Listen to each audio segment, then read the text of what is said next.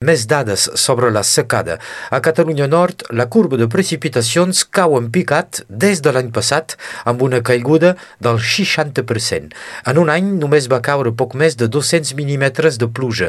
Durant el mateix període, el cabal de la TET ha baixat de meitat. En declaracions al digital Actu Perpignan, Georges Puig, conseller municipal de Perpinyà i delegat a les qüestions hidràuliques, alerta sobre el nivell baixíssim de les capes freàtiques. La línia d'alta velocitat entre Montpellier i Béziers és declarada d'utilitat pública urgent. És el primer tram que ha de permetre per fi la connexió dels TGV de Perpinyà cap al nord. L'anunci va ser publicat pel diari oficial de l'estat francès. Carole Delga, presidenta de la regió Occitanie i també al cap del Consell d'Administració de la Societat Línia Nova Montpellier-Perpinyà, demana ara que el govern francès aprovi un calendari accelerat per la construcció d'aquest primer tram. L'OPSCAT, l'Observatori de la Costa Catalana, engega un nou cicle d'estudis sobre l'erosió del litoral. Les recerques han de servir per entendre aquesta erosió i ajudar a prendre les mesures adequades. El mar avança inexorablement. Segons l'Observatori català, que aplega totes les mancomunitats del litoral rossellonès, cada any la costa recula de dos metres de mitjana. El fenomen afecta el 75% de la costa nord-catalana. L'estudi ha de servir per anticipar i redibuixar l'amenatjament del litoral que ens trobarem al 2050. A Barcelona, un treballador ha mort durant el muntatge del Congrés Mundial del Mòbil que s'inaugura la setmana que ve. L'home era assalariat d'una empresa de càrrega i descàrrega que treballa actualment al muntatge del Congrés Mundial a la Fira de Barcelona. S'ha obert una enquesta per esbrinar les causes d'aquest accident mortal. Sempre a Catalunya Sud, diverses administracions públiques de la Generalitat han estat víctimes d'una ciberestafa i s'han fet robar 4 milions i mig d'euros.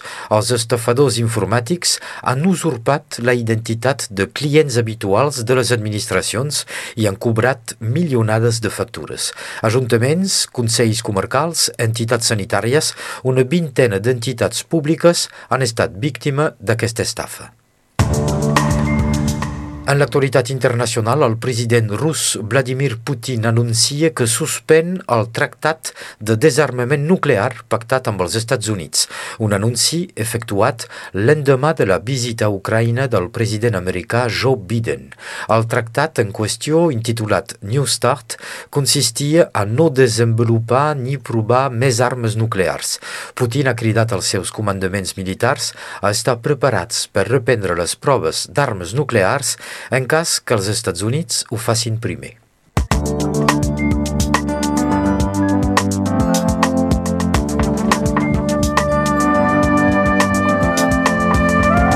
Moltes gràcies, Sebastià. Passem ara a l'informació del temps amb Meritxell Cristòfol.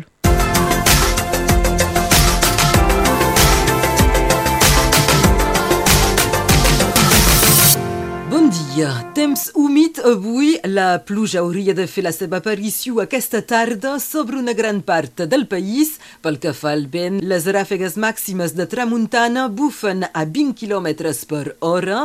Malgrat un temps bastant gris, les temperatures, elles, es mantenen i són suaus. 17 graus a Perpinyà, 16 a Salelles i a Montner, 15 a Argelers de la Marenda, 14 a Serret, 10 a Prada, 8 a Sayagosa, 11 i 5 graus a Puigbalador. Aquesta tarda el sol es pondrà a les 6 hores i 29 minuts i avui dimecres de cendres se celebra Santa Isabel.